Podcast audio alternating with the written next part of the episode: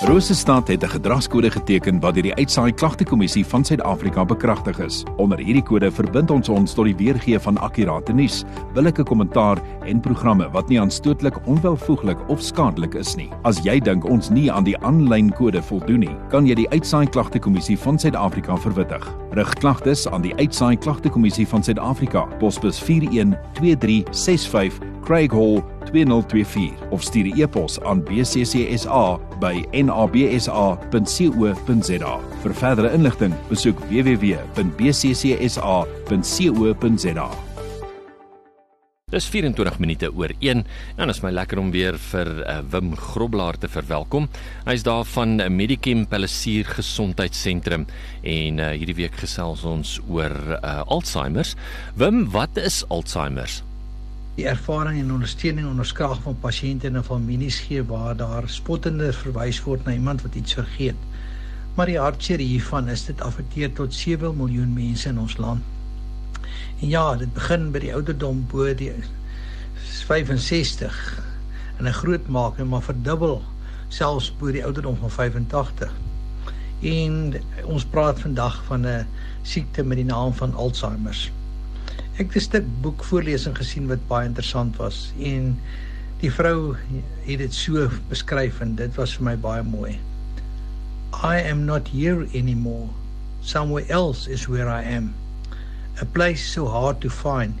You cannot see me here or visit me there or wish me out of this anywhere. If this is where I am supposed to be, why can't I find me? Ja, en dit is die hypothalamus wat die senuweesvesels uh wat die geleiding van die senuweeimpulse moet bestuur nie langer kan volhou nie. En so kan die oues nie herstel nie en die nuus kan nie opgebou word nie. En dit is waaroor ons bekommerd is. Ek gesels met uh, Wim Groblaar daar van Medichem Palisier Gesondheidssentrum. Wim, watter waarskuwingstekens volgens nasionale Alzheimer's uh, vereniging is daar?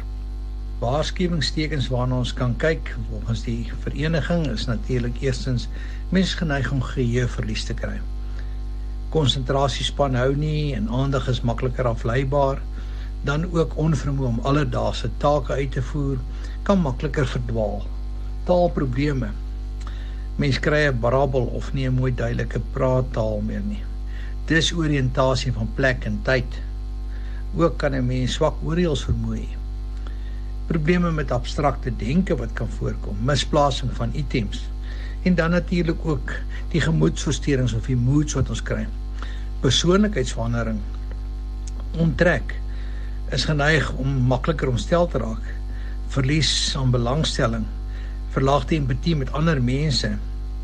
En dan natuurlik hoe vergelyk dit met 'n ligte tipe van Alzheimer se middelmatige en erge ene.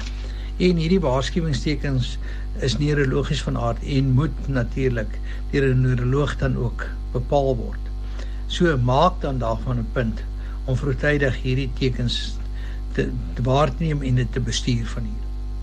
Wim, hoe ondersteun ek my naaste of eggenoot wat uh, aan Alzheimer ly? Ek as eggenoot het ook 'n baie groot rol te speel. Maak eersins die om fisiese omgewing baie eenvoudig. Ehm um, sodat nie my aandag kan aflei nie. Kommunikeer so veel moontlik en sit bietjie emosionele waarde agter jou woorde dat jy ook meer treffend is met jou maat. Fokus op die oorblywende vaardighede wat hy of sy het en leer en leef in die pasiënt se wêreld saam.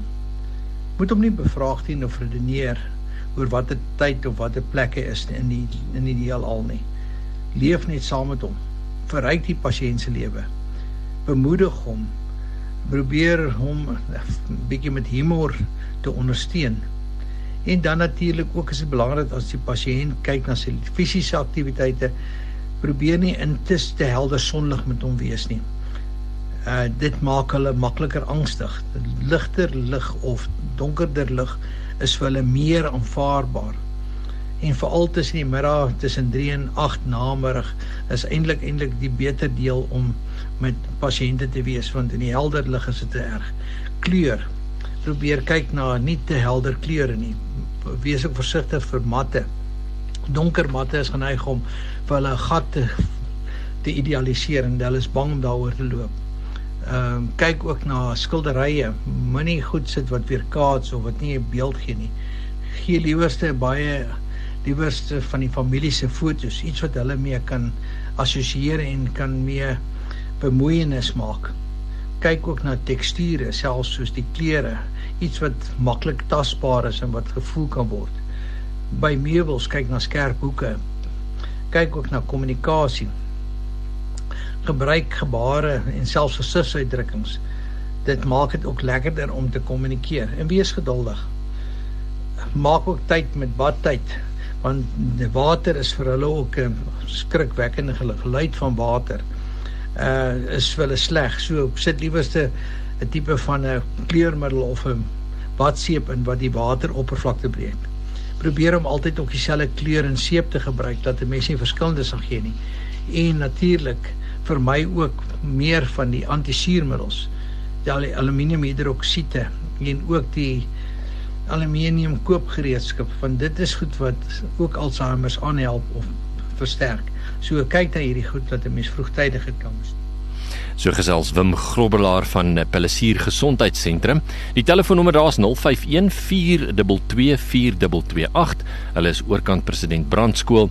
Voorskrifte word geresepteer terwyl jy wag of jy kan 'n foto neem van jou voorskrif en dit met WhatsApp stuur en uh, jy kan ook e-pos van jou dokter af. So die dokter e-pos sommer direk en dan sodoende beperk jy die wagperiode by die apteek en dan kan jy uh, en ook die uh, afval van voorskrifte kan vinnig bestuur word.